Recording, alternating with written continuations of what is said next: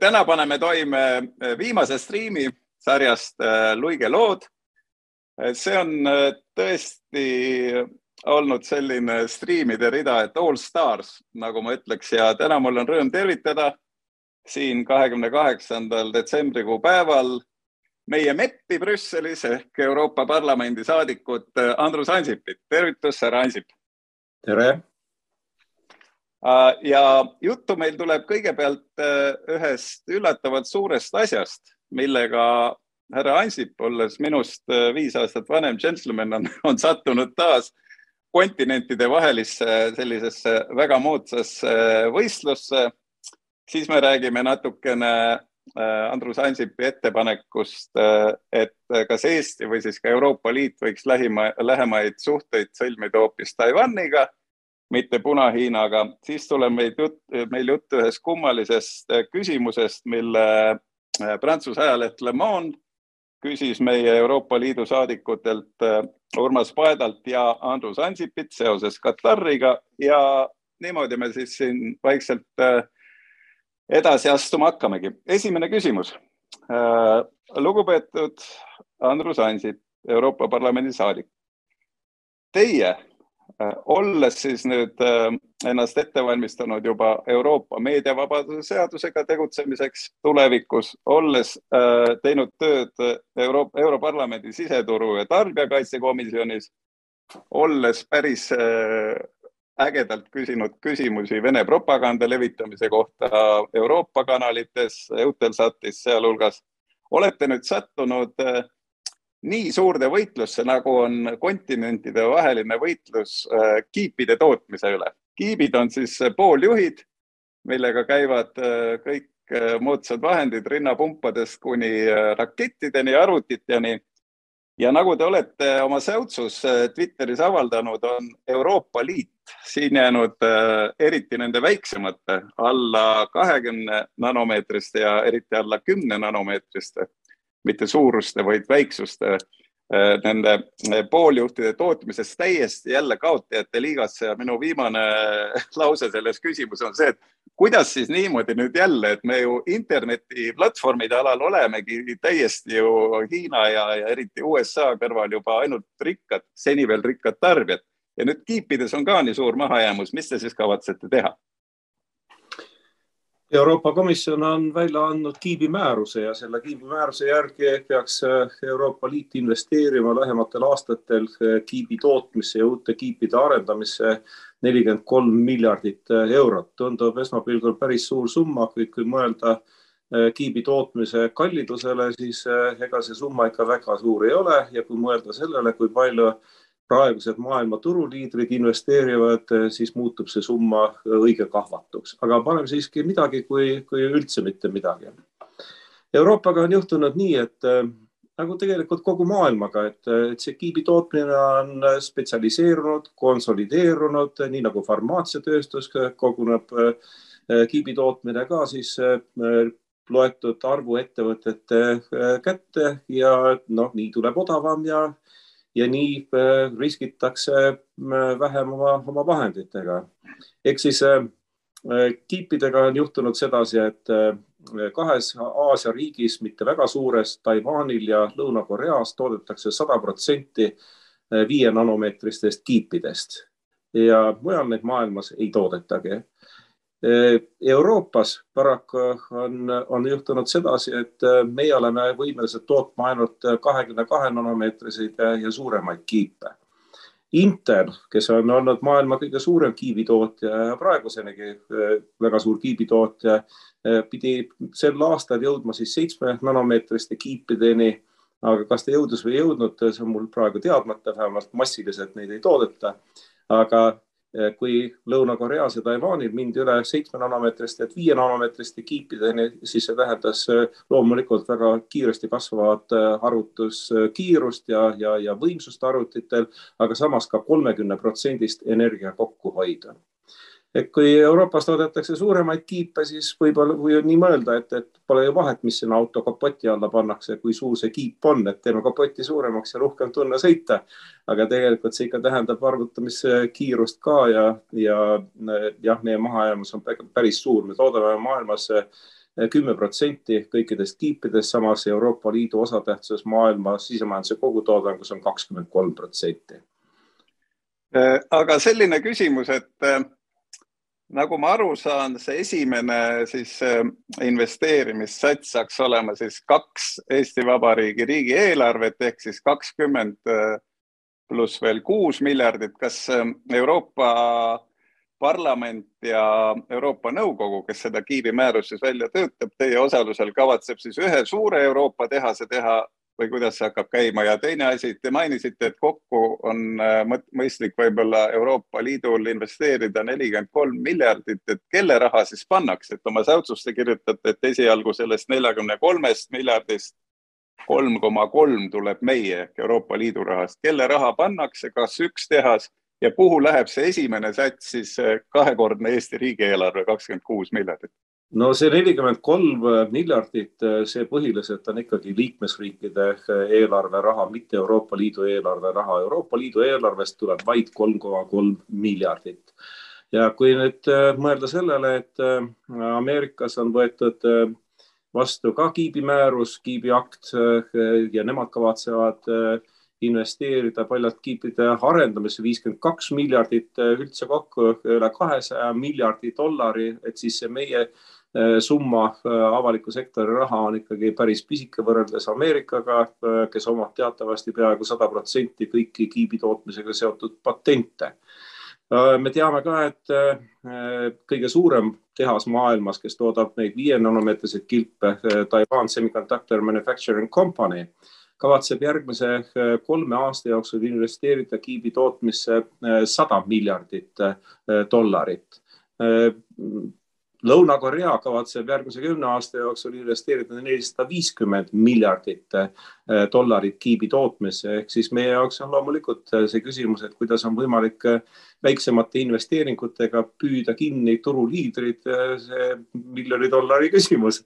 aga ega see Kiibi määrus näegi ette seda, et, et me paneme siin täiesti nullist oma tootmise püsti. muide, ega me nullist ei peagi alustama, sest et eh, nii Taiwanil kui ka Lõuna-Koreas toodetakse kiipe Eindhovenis Hollandis tehtud eh, masinatega.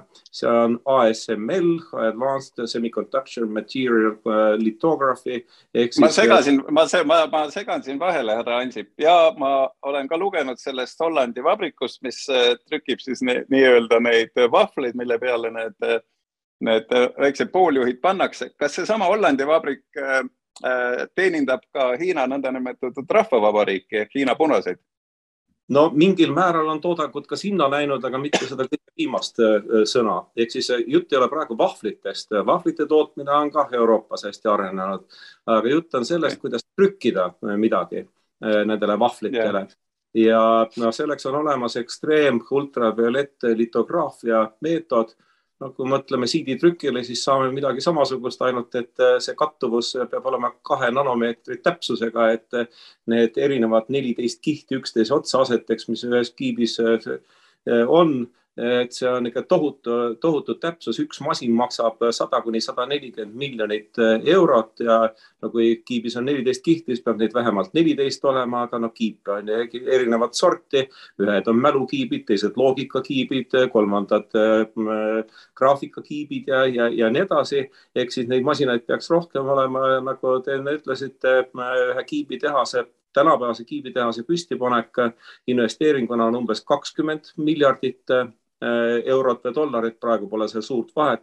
just sellist investeeringut teeb Samsung näiteks Texasesse. ja äh, selleks, et äh, kõik lisanduvad materjalid sellele kiibitehasele saada, on vaja veel täiendavalt viit miljardit investeeringut ja noh, uue kiibi väljatöötamine maksab miljardi. aga noh, nii nagu vaktsiinidegi, et sa võid miljardi või kaks investeerida, aga ei tule välja et riskid on et meie, nii et, ja, nii et meie, meie Euroopa Liit läheb siis täiesti nagu ülesmäge lahingusse, umbes nagu Putin läheb, kui üritab mingit korralikku satelliiti, täpset satelliiti teha või mingeid täpseid rakette ja palju edu meile selles, aga see saab olema siis riiklikus omandis, see esimene kiibivabrik, kuhu läheb kakskümmend pluss kuus. ei, seda, seda ma ei usu, see on ikkagi mõeldud selleks, et koostööd, arendada kiibi tehnoloogiat ja praegu kõige suurem investeering, millest räägitakse, aga mis ei ole veel Euroopasse jõudnud, on Inteli investeering Intel kokku kavatseb Magdeburgi investeerida äh, kuuskümmend kaheksa miljardit dollarit ja ta teeb seda seetõttu, et Saksamaa maksumaksjad ehk Saksa valitsus paneb välja preemia kuus koma kaheksa miljardit eurot. aga viimased. oot, oot, oot, oot, oot, ma jälle katkestan, härra Ansip, et äh, oma intervjuus Äripäeva raadiole te ütlesite, et see erainvestor äh, Euroopast, Magdeburgi linnast Magdeburgi kohta mul on teile kui endisele Tartu linnapeale veel ka järgmine küsimus, et see just avaldab praegu protesti, et miks Euroopa Liit äh, ei toetanud teda, aga toetab seda projekti, millest teie räägite. kas ta on või ei ole, see ei ole siis, jah, on ta siis saanud toetust või ei ole see Magdeburgi erafirma? Ma ei tea, kas ta on Magdeburgist, aga tõepoolest üks erafirma on investeerinud sada miljonit eurot oma kiibitehasesse. loomulikult tegemist pole viie nanomeetriste kiipidega, seitsme nanomeetriste kiipidega. ta on sada miljonit eurot investeerinud oma kiibitehasesse ja ta on pöördunud ka avaliku sektori poole selleks, et mingisuguseid toetusi saada, aga ta pole saanud. ja kui nüüd riik lahkelt on nõus andma siis kuus koma kaheksa miljardit Intelile, et siis eh, loomulikult ta pole rahul ja, ja protestijad on tärganud ja kohtutee on ette võetud. aga paraku ja. need kehvemad sõnumid on tulnud Inteli poolt, et nad ikka ikkagi ei ole veel valmis nii suurt investeeringut tegema. see investeering muidugi tähendaks etapiviisilist kaheksa eh, tootmisplokki ülesehitamist. teine eh, lootustandev eh, sõnum puudutab nüüd sedasama Taiwan'i kõige suuremat tehast, kes kavatseb investeerida Dresdenisse, aga ka põhiliselt kahekümne kahe ja kahekümne kaheksa nanomeetriste kiipide tegemisse. no ütleme nii, et Eh, parem midagi kui, kui mitte midagi. ja samas, ega Euroopas on endal ka kiibi tootmine olemas. autokiipide osas Euroopa on maailmas esikohal kõikidest maailmas autodes kasutatavatest kiipidest kolmkümmend seitse protsenti on toodetud Euroopa Liidus, aga nagu öeldud, need on kahekümne kahe nanomeetrised, mitte viie nanomeetrised kiibid. tehnoloogia areneb kiiresti ja, ja arvutivõimekus no see, me näeme ka Ukraina sõjaväljadel seda, kuidas, kuidas see äh, kiibi äh, arvutamise võimekus äh, mõjutab siis ka tasakaalu lahinguväljal. mul on vahepeal meelelahutuslik küsimus, härra Andrus Andip, teile kui endisele pikaajalisele Tartu linnapeale. mis seob Tartu linna ja Magdeburgi? Te nimetasite Magdeburgi ühe kiibitehase kontekstis, aga meenub teile midagi? see on kaugest ajaloost. no tegelikult ei meenu mulle küll praegu mitte midagi vaadake sel ajal, kui minu kodulinn Tallinn äh, sai äh, Hansalinnana Lübecki seaduse, äh, oli Liivimaa, kaasa arvatud Tartu, juhitud Magdeburgi seaduse järgi. see oli üks ka Saksa kaupmeeste seadus, mis oli natuke teistsugune, see oli mõeldud nagu Ungari ja just sama Dresdeni slaavlaste alade ja nende allutamiseks, aga see selleks aga ähm, Dresdeniga seota, seob meid küll äh, ühine kirikulugu.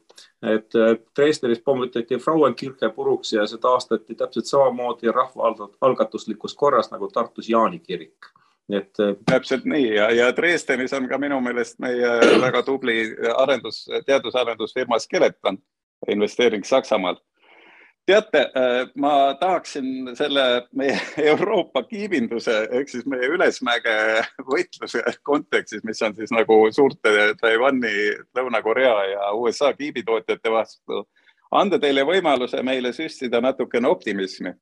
Teie kui keemiaharidusega ja ka keemiateadust natukene teinud äh, härrasmees, kas te võiksite öelda, milline tulevik ootab Sillamäed? no Sillamäed kindlasti äh, ootab äh, äh, suhteliselt perspektiivikas tulevik.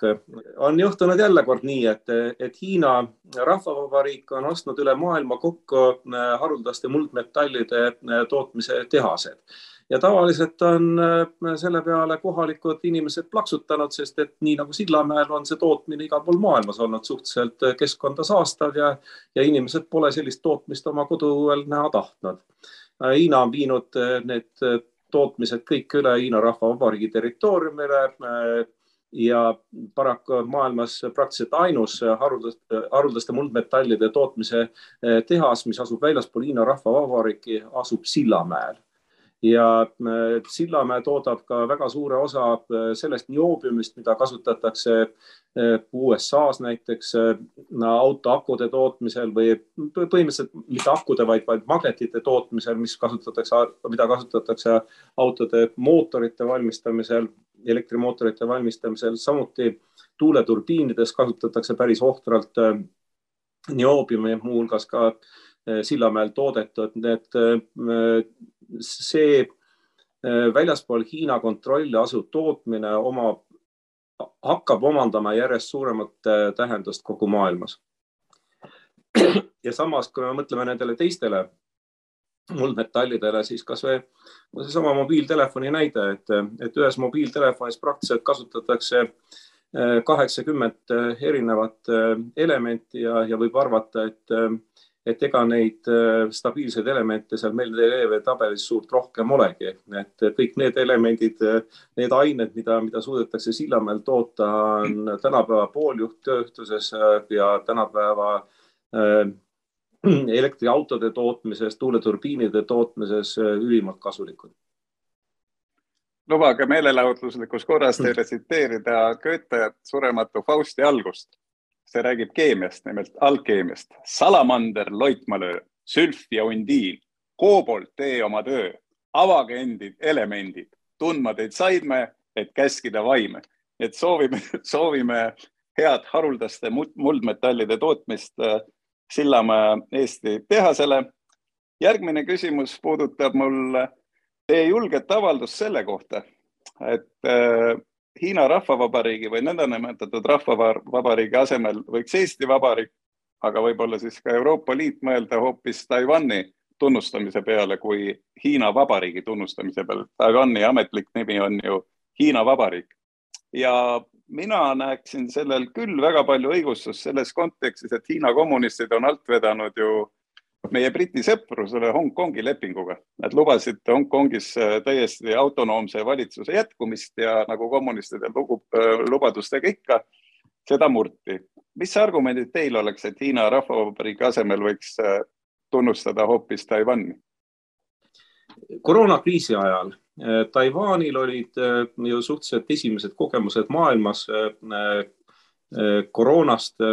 Nemad ju avastasid selle koroona, koroonaviiruse päris äh, algpäevil, äh, siis kui üks nende ettevõtja äh, saabus, saabus siis Hiina Rahvavabariigist, pöördus ta lennujaamas kohe meditsiinitöötajate poole ja, ja, ja ütles, et, et midagi imelikku on, on juhtumas ja, ja avastati temalt viirus ja Taiwan reageeris viirusele väga adekvaatselt ja ja minu meelest oleks täiesti loomulik, kui Maailma Terviseorganisatsioonis oleks ka Taiwanil olnud äh, mingisugune vaatlejaõigus vähemalt, äh, kelle käest oleks saanud äh, väärtuslikku informatsiooni küsida, kuid Hiina Rahvavabariik blokeeris otsustavalt igasuguse täiendava teabe saamise siis Taiwanilt Maailma Tervishoiuorganisatsiooni kaudu, mis minu jaoks selgelt sümpaatne ei olnud Hiina on äh, oma käitumises muutunud agressiivsemaks äh, aasta-aastat äh, juba pikema perioodi jooksul. me mäletame seda siiani mõneti kestvat Huawei skandaali, kui kahe tuhande seitsmendal, seitsmeteistkümnendal aastal Hiinas võeti vastu uus julgeolekuasutuste seadus, mis nägi ette seda, et, et kõik Hiina tootjad, pole vahet, kas nad tegelevad siis tarkvara või riistvara tootmisega, peavad tegema koostööd Hiina eh, julgeolekuasutustega. et siis eh, loomulikult see oli meie kõigi jaoks sõnum, et me ei saa enam Hiina ettevõtteid usaldada kui ma seda kunagi pressikonverentsil Euroopa Komisjoni asepresidendina ütlesin, siis selle peale vallandas väikest sorti tormikene Äh, minu juurde tuli ka Hiina Rahvavabariigi suursaadik, kes äh, luges ette oma jutupunktid, aga muuhulgas ütles ka, et Huawei ei hakka kunagi Euroopas pioneerima ja, ja, ja talle ei lähe see Hiina seadus korda, mille peale mina ütlesin, et äh, ma eelistaks teha koostööd nendega, kes austavad ka oma rahvuslikke seadusi, mitte nendega, kes on valmis neid seadusi ignoreerima kohe, kui see nendele kasulikuks osutub. ja põhimõtteliselt Huawei'ga läkski nii, et, et siin ju riigi julgeolek on, on liikmesriigi enda pädevuses, kui liikmesriigid midagi Euroopa Komisjonilt paluvad, siis Euroopa Komisjon peab lahendusi välja pakkuma ja ja nii siis me pakkusimegi komisjonis kolmeetapilise lahenduse. alguses ohtude hindamine liikmesriigi tasemel, siis Euroopa Liidu tasemel ja kolmandaks siis Äh, ennetavad meetmed, äh, keelud ja nii edasi, kõik muu taoline ja see asi toimis. ehk siis äh, me oleme seda, seda mitmel pool näinud, et sisuliselt dumpinghindadega tuuakse midagi Euroopa turule. Kümmekond aastat tagasi valitses Euroopas arusaamine, et noh, rumalad on, saamegi asja osa odavalt kätte, aga pikapeale avastati, et äh, omad tootjad ei ole võimelised enam tootma, sest et äh, odav konkurent äh, sööb kõik kodumaise või Euroopa toodet turult välja ja põhimõtteliselt ei saa ju olla niiviisi, et et meie oleme siis liberaalse turumajandusega, kuhu kõik on turule oodatud ja, ja Hiina ütleb, et tema on arenev riik ja kõik, kes tahavad Hiinas midagi toota, peavad siis asutama ühisettevõtte hiinlastega või siis lihtsalt avama oma tehnoloogilised saladused Hiina Rahvavabariigi ees, et me tahaksime ikkagi võrdsust ja, ja samasugust kohtlemist eh, nii siin kui, kui ka sealpool ja, ja noh, see on teatud pingeid tekitanud ja, ja eks loomulikult kõige selle taustal hakkad ka seda konflikti Taiwaniga teistmoodi vaatama. ja äh, kaks äh, kaasakiitvat märkust siin, et üks on see, et Eesti riigi esindajad on soovitanud ülipopulaarse noorte hulgas Tiktoki kasutamiseks kasutada omaette seadet nendel samadel põhjustel, et äh, Hiina firmad, erafirmad või mitte, on tegelikult kõik nende rahvavabariigi äh, kullipilgu all. Ja, ja teiseks ma ütleksin, et mu isiklikust kogemusest ma olen ilmselt üks väheseid Eesti ettevõtjaid, kes on teinud Hiina Rahvavabariigiga kui riigiga äri Tallinna linnas ühe kinnistu ostul-müügil ja võin kinnitada öö, äh, oma kibedast kogemusest, et jah, see on täiesti erinev tsivilisatsioon kui meie oma siin Euroopas, võin kinnitada. Järgmine küsimus äh, Europarlamendi saadik äh, Andrus Ansipile. Äh, Prantsuse Le Monde ajaleht on küsinud üsna teravalt teie ja Urmas Paeda hääletuste kohta, kus te olete Europarlamendi hääletustel Le Monde'i väitel toetanud Katari ja intrigeerivalt on Le Monde seda toetust sidunud nüüd hiljuti Belgias puhkenud skandaaliga, kus mingite mm, Euroopa Nõukogu tegelaste korteritest leiti kokku üks koma viis miljonit sularaha eurodes, mida oletatakse, et on järsku andnud üks Araabia riik, mida ei nimetata. aga te olete kuskil intervjuus öelnud, et järsku on jutt Katarist. kuidas te kommenteerite seda Le Monde'i sellist nagu kallaletungi teile? No ei ole ta mulle mingisugune kallaletung, et äh, iseenesest. kas teile meeldib, kas teile meeldivad sellised oletused, et järsku te olete pappi võtnud mingi hääletuse eest? no ei, absoluutselt ei meeldi, aga, aga siis peaks neid papivõtjaid olema Euroopa Parlamendis sada kuuskümmend viis inimest, sest et me hääletasime sealsamas Le Monde'i artiklis toodud tabeli järgi samamoodi nagu sada, sada kuuskümmend viis inimest hääletasid ja need, kes hääletasid samamoodi, need põhiliselt kuulusid Euroopa Rahvaparteisse aga ka äh, reformistide parteisse.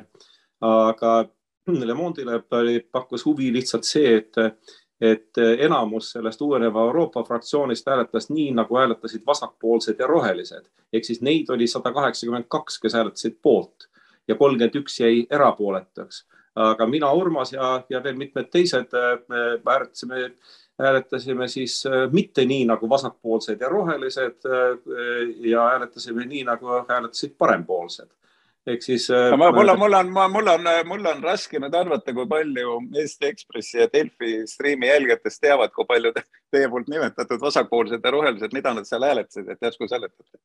mida hääletati ja kelle no, poolt? on lihtsalt parandusettepanekuid hääletati, et see on, see on lihtsalt Le Monde'i tab, äh, seal artiklis on ära toodud äh, mingid tabelid ja mingid hääletustulemused ja no,. kas see, kas see, kas see, kas see puudutab viisavabaduse tegemist Euroopa Liidu ja Katari vahel? ei, ei ole üldse, ei, see on ikkagi, ei, see ei ole üldse veel kuhugi jõudnud ja, ja see lähemal ajal ja. ei jõuagi, see kõik on peatatud, see äh, viisa lihtsustuse teema. et see on ikkagi Katari sisuliselt hukkamõistev avaldus, kuidas ta võõrtööjõud kohtleb ja, ja üleüldse, kuidas ta on kõige hullem riik kogu maailmas, millise hinnanguga mina muidugi nõus ei kipu olema, sellepärast et, et kui meil kogu Euroopal, maailmal Äh, sobis olümpiamängude korraldamine Pekingis, muide väga hästi oli korraldatud, kui äh, sobis äh, olümpiamängude korraldamine Venemaal Sotšis, et siis asuda nüüd kogu energiaga Katari kallale maailma karikavõistluse, võistluste pärast, pärast seda, kui pärast Krimmi annekteerimist Venemaa poolt kahe tuhande kaheksateistkümnendal aastal aktsepteeris seesama Euroopa äh, suurema heameelega äh, maailma karikavõistluste korraldamist äh, Venemaal. Et see, see tundub väga-väga silmakirjalik, et see Euroopa toonane noh, näpuviibutus ju tegelikult päädis sellega, et pärast Krimmi annekteerimist Euroopa gaasisõltuvus Venemaast kahekordistus. Ehk siis mitte mingeid sisulisi järeldusi ei tehtud. Ja nüüd, kui mõelda Katarile, siis Katar on selles piirkonnas minu meelest ainus riik, kes ÜRO-s siis, kui hääletatakse Venemaa-Ukraina küsimusi, on hääletanud nii nagu Euroopa Liit ehk on ühemõtteliselt mõistnud hukka Venemaa agressiooni äh, Ukrainas. ehk siis äh, ei ole maailm mustvalge korruptsioon on ühemõtteliselt taunitav, hukkamõistetav. me siiani ei tea, milles see korruptsioon tegelikult äh, seisnes, millesse see Eva Kaili ja need teised äh, sealt Itaalia sotsialistid ennast äh, mässinud on. aga noh, see on selgelt hukkamõistetav, aga taolised küsimused, et mitu korda oled äh, Kataris käinud, kes on maksnud sinu lennupiletite eest, kes on maksnud sinu ööbimise eest Kataris, kas oled saanud Katarist sularaha? Et noh, need on loomulikult solvavad, aga, aga no ma usun, et, et neid on esitatud kõigile nendele saja kuuekümne viiele, kes, kes ei toetanud neid parandus, vasakpoolsete parandusettepanekuid, aga võib-olla ka saja kaheksakümne kahele, kus ma tean, kes, kes toetasid, aga neid on massiliselt saadetud küll Euroopa Parlamenti. ma kinnitan ei ole saanud äh, sularaha, mul pole muid sissetulekuid peale minu Euroopa Parlamendi sissetulekute ja pensioni. Äh, ma ei ole kordagi käinud äh, Kataris juriidilises mõttes, küll aga olen ma käinud seal peaministrina, viibinud tund aega Doha lennuväljal, tagasilennul Kandaharist Kopenhaagenisse ehk Afganistanis. selge, selge, selge, ei, ei, ei, selge, aitäh, härra Ansip. mäletan, et kolm portreed oli seisa peal, seina peal, aga teed ei pakutud ja et loomulikult väga palju on silmakirjalikkust, teil on õigus türannia riikidesse, autokraatia riikidesse suhtumises, aga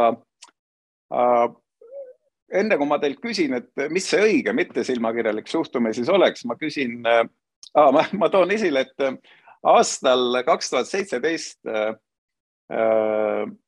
alustati Katari vastu naaberriikide Saudide, Ühendemiraatide, Bahraini, Egiptuse poolt metsikut ja, ja õnnetut blokaadi, et nad ei saaks meritsi ega ka maitse, seal on üks väike maagitsus Saudide ja Katari vahel, et, et, et nad ei saaks süüa, et nad ei saaks nagu elu, elukondlikke tarbeid. see oli USA eelmise presidendi Donald Trumpi kiitusel ja selle blokaadi üks põhjus oli meedia, et miks nende Al Jazeera, nende, nende tuntud ülemaailmne tuntud telejaam näitab seda või teist. Ja teine põhjus oli siis Katari suhted Iraani ja Türgiga, aga see kõik läks lörri. See on niisugune naljakas asi tänapäeval mingi blokaad teha. ja, ja aga nüüd türannia riigid, et oli tõesti alandav vaadata, kui seesama Joe Biden, kes oli ju uurimismaterjalid äh, selle kohta, mida äh, Saudi prints on teinud. Äh, ehk siis lasknud Iraani saatkonnas Türgimaal kondis aega tükkideks saagida, ennast kritiseerinud Washington Posti Äh, arvamustoimetaja Khashoggi. Ja kuidas ta siis läks sedasama, äh, sedasama Saudi Araabia printsi seal nagu paluma ja ta kätt suruma ja, ja, ja need kõik jutud on üks, üks tõesti udu, kui me räägime sellest, kus meil on tarvis äh, toorainet saada, meil, ma mõtlen läänelt. aga mida siis peaks tegema, et, et kas peaks tegema siis türannia riikide vahet selle järgi, kas keegi neist momendil sõdib või lihtsalt kiusab oma, omaenda rahvast või mis? no inimõiguste eest peame võitlema ikka igal pool maailmas ja sealhulgas Kataris ja nii ma ka oma Euroopa Parlamendis peetud äh, sõnavõtus ütlesin, aga mis puudutab spordivõistlusi, siis ma pigem olen äh, sama meelt The Economistis kirjutatuga. teatavasti Economist jättis Katari jalgpalli karikavõistluste osas seisukoha võtmata. ta ütles, et et kui me tahaksime ainult eeskujulikes riikides või, või ainult või sellistes riikides, nagu me praegu Katarilt nõuame, et ta oleks jalgpallivõistlusi korraldada, siis need jääksid tsirkuleerima Norra, Soome ja Rootsi vahele. No aga ilmselt see väga mõistlik ei oleks, et me peaksime aktsepteerima seda, et spordivõistlusi võib korraldada ka riikides, kus demokraatia pehmelt öeldes on veel arenguruumi kuid see Katari blokaad minu meelest see oli ka suuresti põhjendatud, põhjustatud ikkagi äh, seetõttu, et just nimelt meediavabadust äh, heideti ette Katarile. No vabadusest on seal muidugi palju rääkida, aga, aga seda Al Jazeerat süüdistas Saudi Araabia eelkõige selles, et ta õhutab mingisuguseid radikaale seal ja, ja toetab neid ja, ja, ja seetõttu sattus tema siis minu meelest blokaadi alla, aga ma ei ole hea Katari asjatundja ja seal on üks vahe, et Al Jazeera vene keeles ja inglise keeles on hoopis teine kui Al Jazeera pärsia keeles, mida teatavasti kasutab Iraan ja araabia keeles, et me, me tõesti, ka mina ei tea, milles, millest nad seal räägivad. Aga võtame nüüd teie võitluse äh, verisi diktaator Putini ja, ja Kremli äh, sõjapropaganda vastu.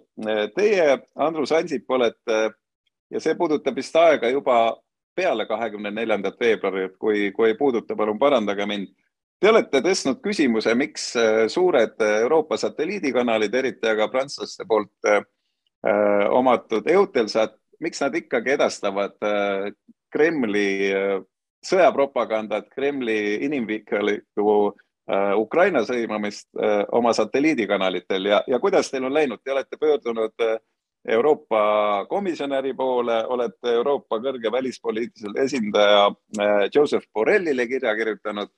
Kuidas läks? no selle kohta tuleb öelda, et parem pool muna kui tühi koor, et äh, üheksandas paketis on siiski mõned Vene kanalid sees, aga, aga, aga ma loodan, et sellest meediavabaduse äh, aktist, et, et sellest on tulemas siis ka õiguslik alus selleks, et Euroopa Liidu, äh, liidus registreeritud ettevõtted ei saaks Eh, mingisugust vaenulikku sõjapropagandat, genotsiidile õhutavat propagandat levitada ka väljaspool Euroopa Liidu territooriumi. kui me omal ajal tegelesime siis audiovisuaalsete meediateenuste direktiiviga, siis millegipärast seda juhust, seda olukorda, kus Euroopa Liidus registreeritud ettevõte Äh, mingisugust Euroopas keelatud sisu levitab äh, äh, väljaspool Euroopa Liitu, me ei reguleerinud ja me nüüd näeme seda, et, et seesama Eutelsat, see levitab Vene sõjapropagandat. Aga no tunnistagem, Venemaal ei ole ju meediavabadust, ei ole arvamuste paljusust enam ammu aega olemaski Äh, levitab siis äh, Venemaa territooriumil, levitab okupeeritud Ukraina aladel, levitab Ukrainas. see levib tegelikult ka siinsamas Eesti, Läti, Leedu kohal, aga siin on ta krüpteeritud, aga, aga see, selle krüpteerimisega on lugu selline, et, et needsamad Vene levitajad müütavad ka dekoodereid ja noh, koodi lahtimukkimine on äärmiselt lihtne, et see on hall tsoon. Äh, tegelikult on äh, ka Eestis äh, nendele Vene kanalitele ligipääs suhteliselt kergelt teostatav, aga Eutelsat levitab ka Russia Today'd Aafrikas ja, ja Araabia riikides, nii et, et see ei peaks kuidagi olema aktsepteeritav öelda nende kanalite poolt või satelliidiettevõtete poolt, et nemad on tehnoloogiliselt, nad on neutraalsed, et, et noh, nemad on ainult pakuvad platvormi. no minu meelest ei ole kohane, et kuhuni võib selle neutraalsusega minna, et kui keegi tahaks müütada koonduslaagrile gaasi, et, et kas see oleks ka siis neutraalsus või et, et kusagilt maalt peab see asi lõppema ja. aga, aga teate, teate, mis ma ütlen, et ega siis ainult prantsmanid oma Eutelsatiga ei räägi neutraalsuse juttu, mul on äh, täiesti õõvastav kogemus minu, ühest minu harvast katsest äh, Eesti Vabariigi valitsuste tegelastega midagi rääkida. noh, loomulikult siin mingitest meedia posti kojukande asjadest on ikka rääkinud, õigemini rohkem minu firmade juhatajad, aga see oli täpselt aasta tagasi, äh, kui mulle ja Raul Rebasele näiteks väga tele, terasele Vene propaganda jälgijale Äh, sai selgeks, et see, mida Kremli TV-d, kõik need Skabejevad, Salavjovid ja, ja, ja kes need äh, leeprahaiged seal kõik on, eks ole, nad selle, sellelt, et lihtsalt Euroopat sõimata, et Euroopa ja NATO on metsikud lödipüksid ja homoseksuaalid ja just sellepärast on NATO väga hirmus, ta ümbritseb kogu Venemaad, kuigi NATO riiki on maismaa territooriumist ainult kuuel protsendil Venemaa piiridest. nüüd nad läksid otse kahe sõjamotiivi juurde. esiteks vale, et see hakkas möödunud aasta detsembris levima, et justkui nagu kaheksa aastat genotsiidi oleks Ukraina Vabariik toime pannud äh, Donbassis ja teine, et Ukraina Vabariik koos äh, jänkidega valmistavad biorelva, mis meeletu ogarate väidete põhjal veel pidi ainult vene geeni tabama, et, et no ühesõnaga ja, ja neid kahte asja koos äh, absoluutselt äh, vihakõne kuubis rakendamisega Ukraina rahva ja riigi kohta ei, ei keelanud siis Eesti möödunud aastal oma kaabellevis ära, oleks võinud keelata. Eesti prokuratuur, juhin tähelepanu, võtavad, võtavad eh, uurimise üles, kui üks eraisik teist Delfis või kuskil mujal, mujal arvamusplatsil solvab või, või, või kiusab. aga vaata see, et, et nüüd euro, tähendab, et meie venekeelsele elanikkonnale kallata otse torust aiu sedasama mürki, mis sunnib neid siis sõja puhkemise järel tehtud sotsioloogilise küsitluse eh, järelduste põhjal arvamuses, et Ukraina sõjas on esiteks süüdi lääs, USA, teiseks Ukraina ise ja kolmandaks natuke Venemaa. see on see tulemus, mis me saime seesama Eesti Vabariik, kes tegelikult raiskab üsna palju psühholoogilisele kaitsele, kellel on igasugused ametnikud küll pagunitega, küll mitte kogu aeg jälgivad sotsiaalmeediat, teevad märkmeid, et ai, ai, siin on putinist välja karanud, siin mitte, siin on Maardus selline meeleolu äh, äh,. Narvas selline meeleolu, Lasnamäel selline meeleolu, nad ise lasid selle äh, toimuda. Ja minu viimane mälestus aasta, aasta tagasi on see, et ma rääkisin siis õiguskantsleriga ja koalitsiooni juhtiva parteiga, mis on teilegi toetatud Reformierakond.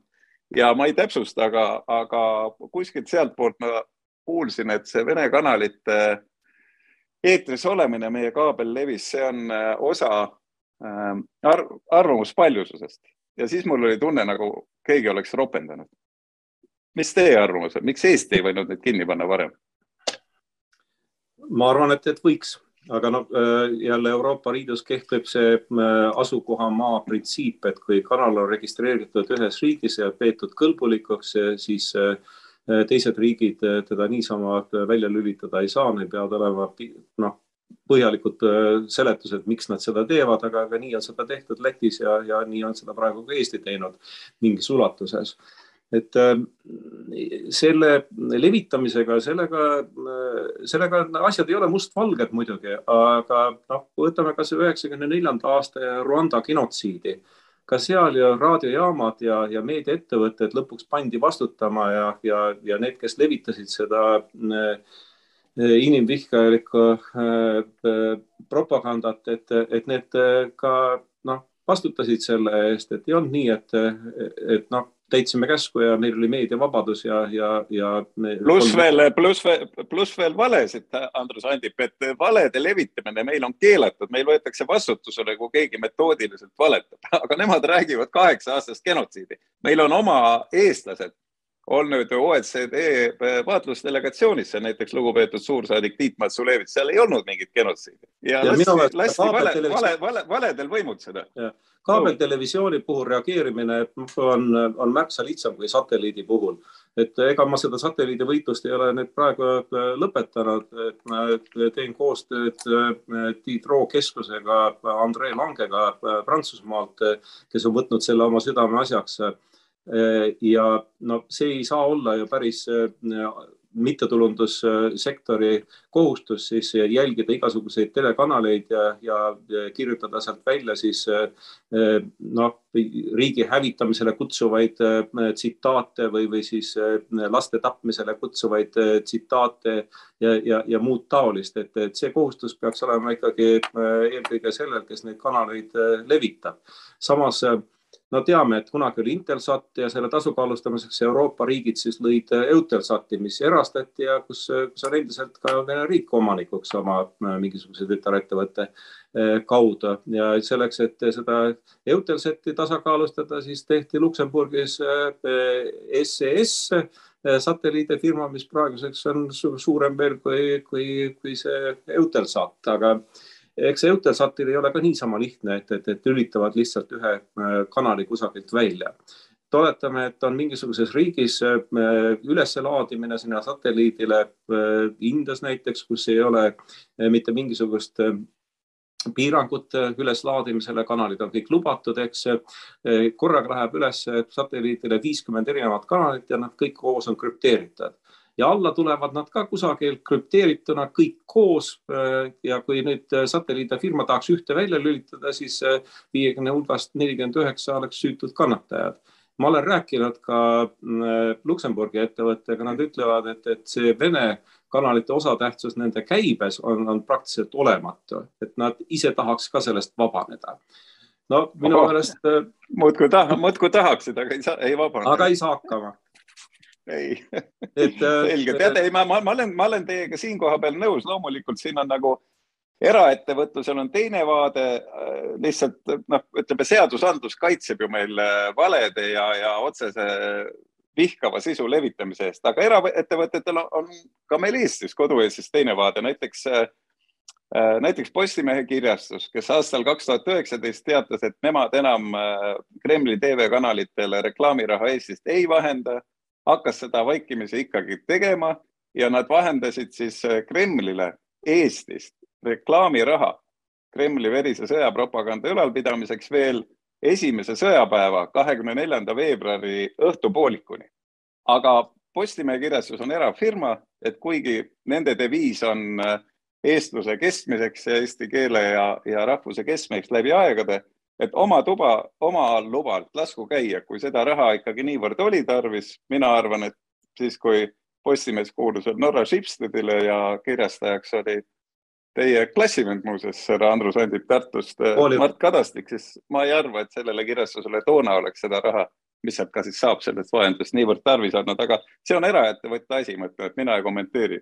küllap Postimees kommenteerib. ja eraettevõtete puhul on tihti nii, et et äh, seaduse paragrahv äh, domineerib tugevasti eetiliste aspektide üle ja, ja kui on lubatud, siis äh, seda ka tehakse. mõtleme kasvõi Vene nafta vahendusele läbi Eesti, et ah, igasugustes sfäärides on, on ikka oodatud, millal see, see seadus jõustub ja, ja lõpus keeld peale tuleb, kus enam üldse ei või teate, meil on jäänud nüüd mõne küsimuse jaoks ja väikse meelelahutuse jaoks aega meelelahutus on selline, see on tegelikult ajalooline fakt, et äh, me rääkisime enne teiega Eesti Vabariigi ja Taiwan'i võimalikest suhetest.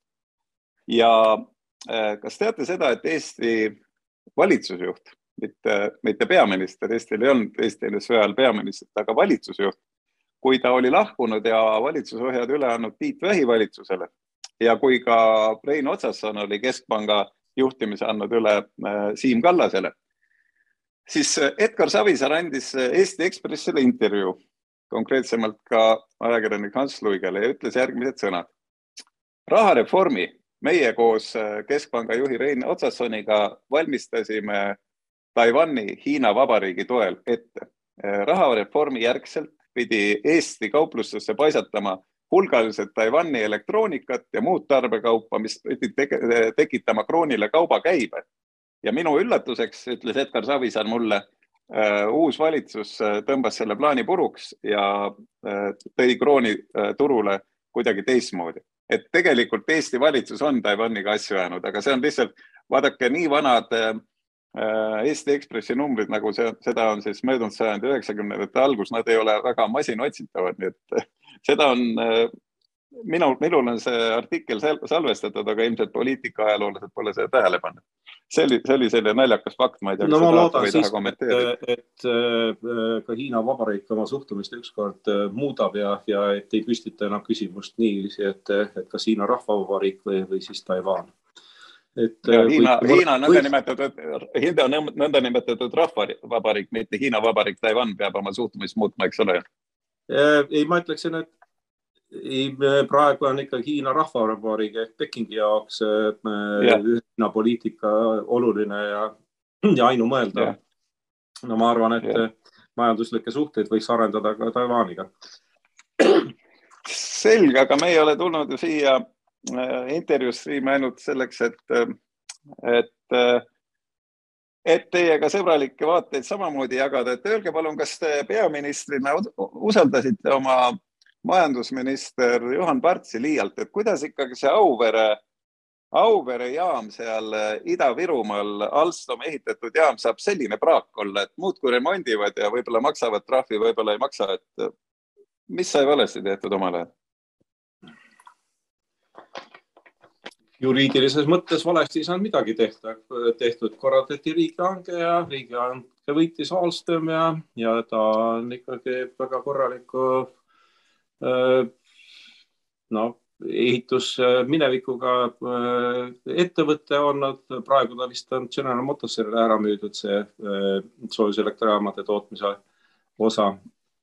aga Äh, ega seda sellist tehast analoogi enne polnud tehtud, et see oli kaks korda suurem kui, kui senised äh, elektrijaamad ja, ja Auvere noh, kujutas noh, täiesti, täiesti uut, uut tüüpi äh, elektrijaama. ja no küllap eksisid projekteerijad ja, ja ehitaja materjalide valikud, sellest on üksjagu palju räägitud. ehitaja on kõvasti trahvi maksnud ja kõik need remondid praegu äh, käivad tegelikult ikkagi ehitaja poolt makstud äh, trahvirahast, et aga noh, elektrienergiat ei tule ja paraku noh, me näeme seda ka noh, Soome Olkiluoto puhul, et ta on ehitatud ilmatuma kaua aega. No ta oleks pidanud juba hakkama ikkagi sel aastal esimesest jaanuarist turule tootma, aga, aga no ei, ei ole, ei ole tulnud, et tuleb, tuleb midagi ja, ja siis jälle seisab ja, ja. see on ka, ma, ma olen nõus, see on täitsa õudne, see prantslased muudkui maksavad trahvi trahvi järel, aga see on, ma ei tea, kas viisteist aastat või palju ta juba veninud on, et see uus tehnoloogia ei ole vist nii lihtne ikkagi äh, praktilises no, juurutuses no ilmselt on siin ka ikkagi põhjused jälle ajaloos, et äh, ega ma ei ole jälle mingisugune tuumaspetsialist, aga, aga natuke olen äh, artikleid lugenud. ja praegu öeldakse, et äh, Prantsusmaal ehitati tuumaelektrijaamad valmis ühe ropsuga, suure hooga, palju korraga ja seetõttu Prantsusmaal elektrienergia toodangust seitsekümmend protsenti tuleb tuumaelektrijaamadest aga kui sul on juba noh, turg täis ehitatud neid jaamu, et, et siis jupp aega enam midagi ehitada ei tule ja maailmas hakkasid ka noh, suhtumised tuumaelektrijaamadesse muutuma, tekkisid rohelisemad ideed ja, ja, ja mitmed katastroofid panid tuumaelektrijale jaamadele noh, nagu siis äh, halvasti mõtlema. Ja see väljaõppinud personal, see lihtsalt äh, kas äh, jäi vanaks läks uutele jahimaadele kuhugi mujale ja see oskusteave, see hakkas äh, vaikselt hääbuma ja, ja paraku soomlased, noh, selle läbi siis kannatavadki, et seda oskusteavet ei ole. nüüd on prantslased muidugi väga otsustavalt öelnud, et, et nad kavatsevad alustada kohe äh, viie uue tuumaelektrijaama äh, rajamist ja, ja noh, kui ei juhtu jälle seda, mis kord ajaloos on juhtunud, et võetakse korraga palju ette Äh, ja, ja siis tekib jälle suur tühimik, et, et siis võib see asi jälle kuidagi lonkama jääda, et ähm, no ma, ma, ma suhtun Prantsusmaasse väga tõsiselt äh, selle tuumaelektri äh, arendamise mõttes, et, et sel ajal, kui Saksamaa ronis sügavasse gaasisõltuvusse Venemaast, Prantsusmaa siiski, siiski mõeldi, kuidas oma autonoomiat energia tootmises säilitada ja ka praegu nende reaktsioon ei ole mitte noh, tuumajaamade sulgemise suunas, vaid, vaid nad kavatsevad just nimelt oma seda isevarustamise võimekust suurendada läbi uute tootmisvõimsustes, teevad investeeringuid minu meelest õigesse kohta. no täpselt samamoodi peaksime meie ka siin investeerima. et ega seda Auveret võib kiruda. Hästi ta välja ei kukkunud, aga, aga küll tast asja saab. et äh, meil oleks, meil oleks vaja täiendavaid tootmisvõimsusi.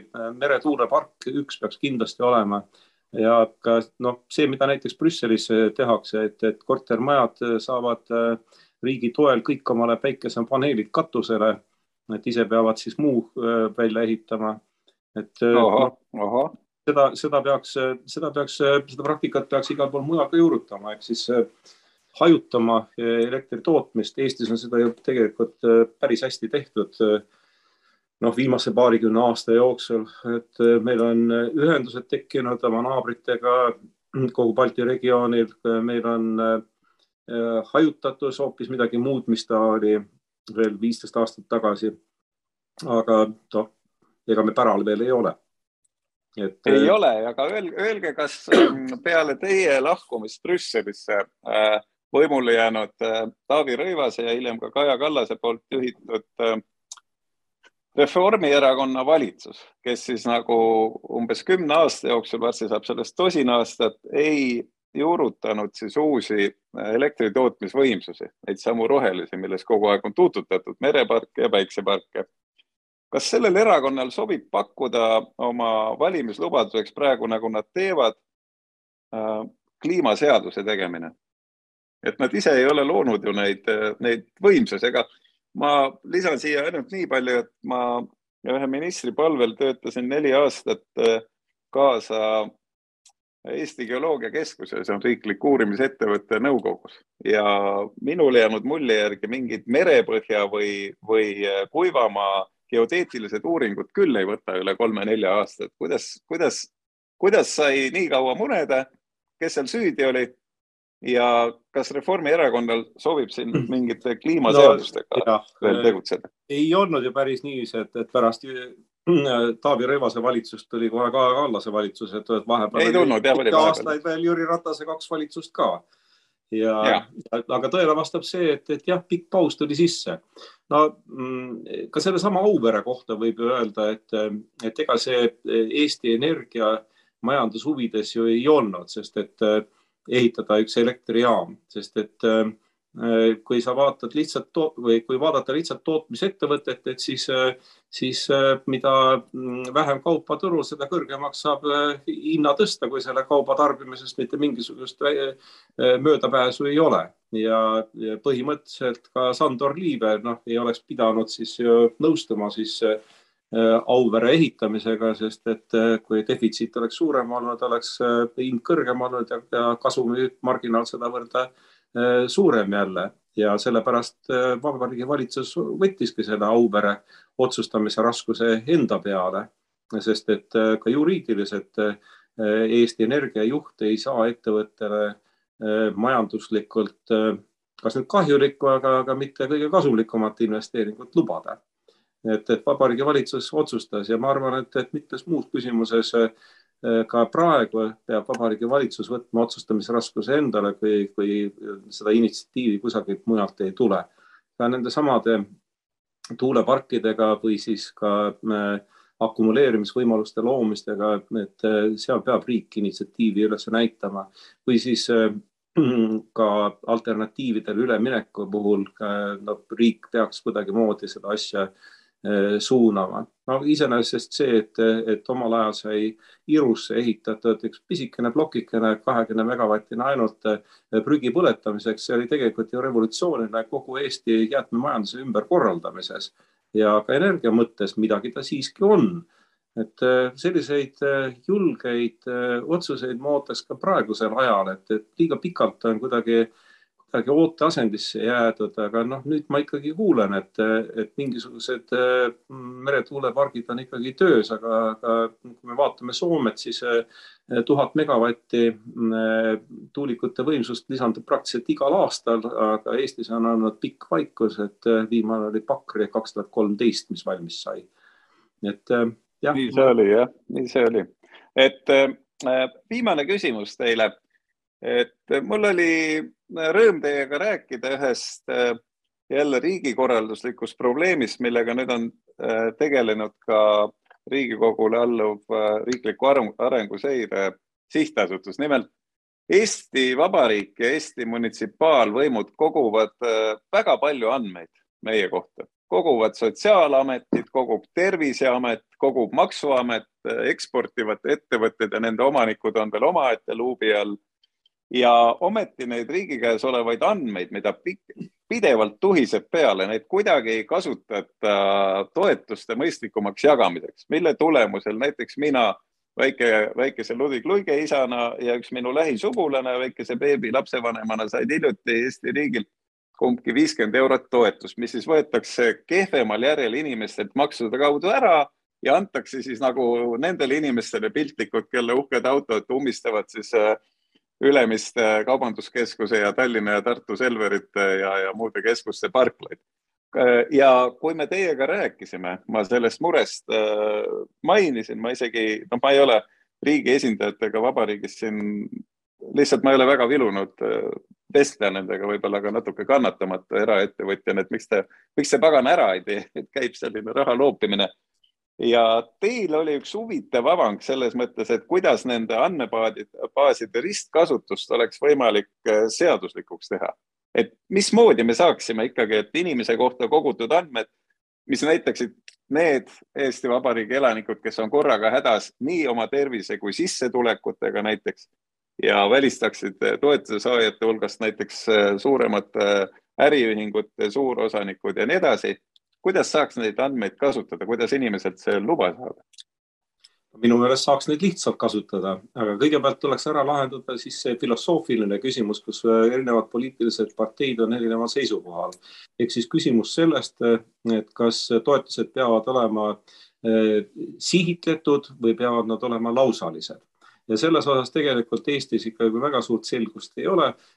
no väga paljud kalduvad lausaliste toetuste puhul, kui me räägime ka neil päevil siis Riigikogus jälle palavalt debateeritavatest eh, peretoetustest, et siis arvatakse, et, et kui see toetus oleks sihtletud, vajaduspõhine et siis keegi tunneks ennast kuidagi solvatuna ja seetõttu leitakse, et, et kergem on anda siis kõigile, ka kaasa arvatud nendele, kellele kellele seda toetust üldse vaja ei ole. mina olen kogu aeg olnud eh, sihtletud toetuste pooldaja ja ma arvan, et eh, praeguses Eestis, kasutades ära neid andmeid, mis meil olemas on, oleks võimalik ka neid toetusi eh, Euroopa Liidus kehtivate väga rangete andmekaitsereeglite juures rakendada, toetuste määramisi rakendada. ehk siis Euroopa andmekaitsereeglid, isikuandmekaitse reeglid näevad ette seda, et äh, inimene peab andma öö, äh, oma nõusoleku selleks, et tema andmeid töödeldakse ja see peab olema kindlasti eesmärgipärane, kitsalt piiritletud, milleks neid andmeid äh, töödelda saab.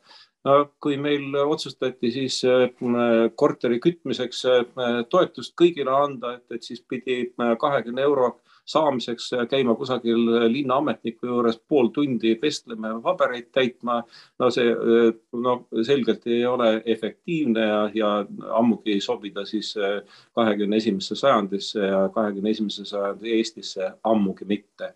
ehk siis ma arvan, et kui inimene ütleb, et jah, ma tahan seda toetust saada, jah, ma annan nõusoleku, et riiklikes andmebaasides äh, koguksite minu kohta andmeid ja vaataksite, kas ma olen toetuse saamiseks kõlbulik või mitte, kinnitaks seda oma digiallkirjaga, et, et see võikski olla, olla ammendav ja, ja nii need toetused võikski siis inimesteni jõuda või siis jõuda inimesteni vastus, et ei, paraku teie sissetulekud on liialt suured selleks, et vaesemate maksumaksjate arvelt teile toetust võiks maksta tahaks vaielda, ajakirjanikuna ikka tahad vaielda, aga mitte midagi ei ole siin vaielda. tõepoolest, ma olen äh, täpselt teiega nõus, et inimene peaks ise andma nõusoleku ja võib-olla ühekordseks, võib-olla ainult nende toetuste eraldamiseks inimene, kes peab ennast toetus äh, Äh, toetust vajavaks, kirjutaks selle allkirja, kas siis nagu Sotsiaalametis või, või ka inimeste esindaja, kes ise ei ole teguvõimekad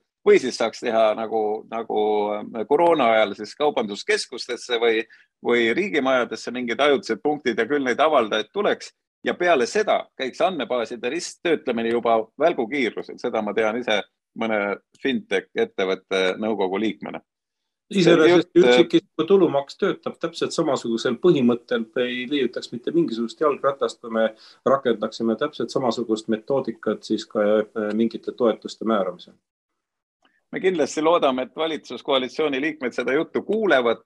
Eesti Ekspressi poliitikavaatleja Urmas Jaagant on kirjutanud, et valitsus jagab praegu enne, enne valimisi toetusi vabal käel, nagu see oleks nende isiklik raha ja valitsuse tuppa ei olegi nagu täiskasvanud enam jäänud. On üks erakond, kes ajab minu meelest selles mõttes ratsionaalselt ja, ja ma ütleks Eesti pärast ehk siis nagu mõistlikku juttu, see on see on erakond Parempoolsed, aga nemad ei ole veel valitsuse toas kahjuks. Andrus Ansip, aitäh aja eest täna. aitäh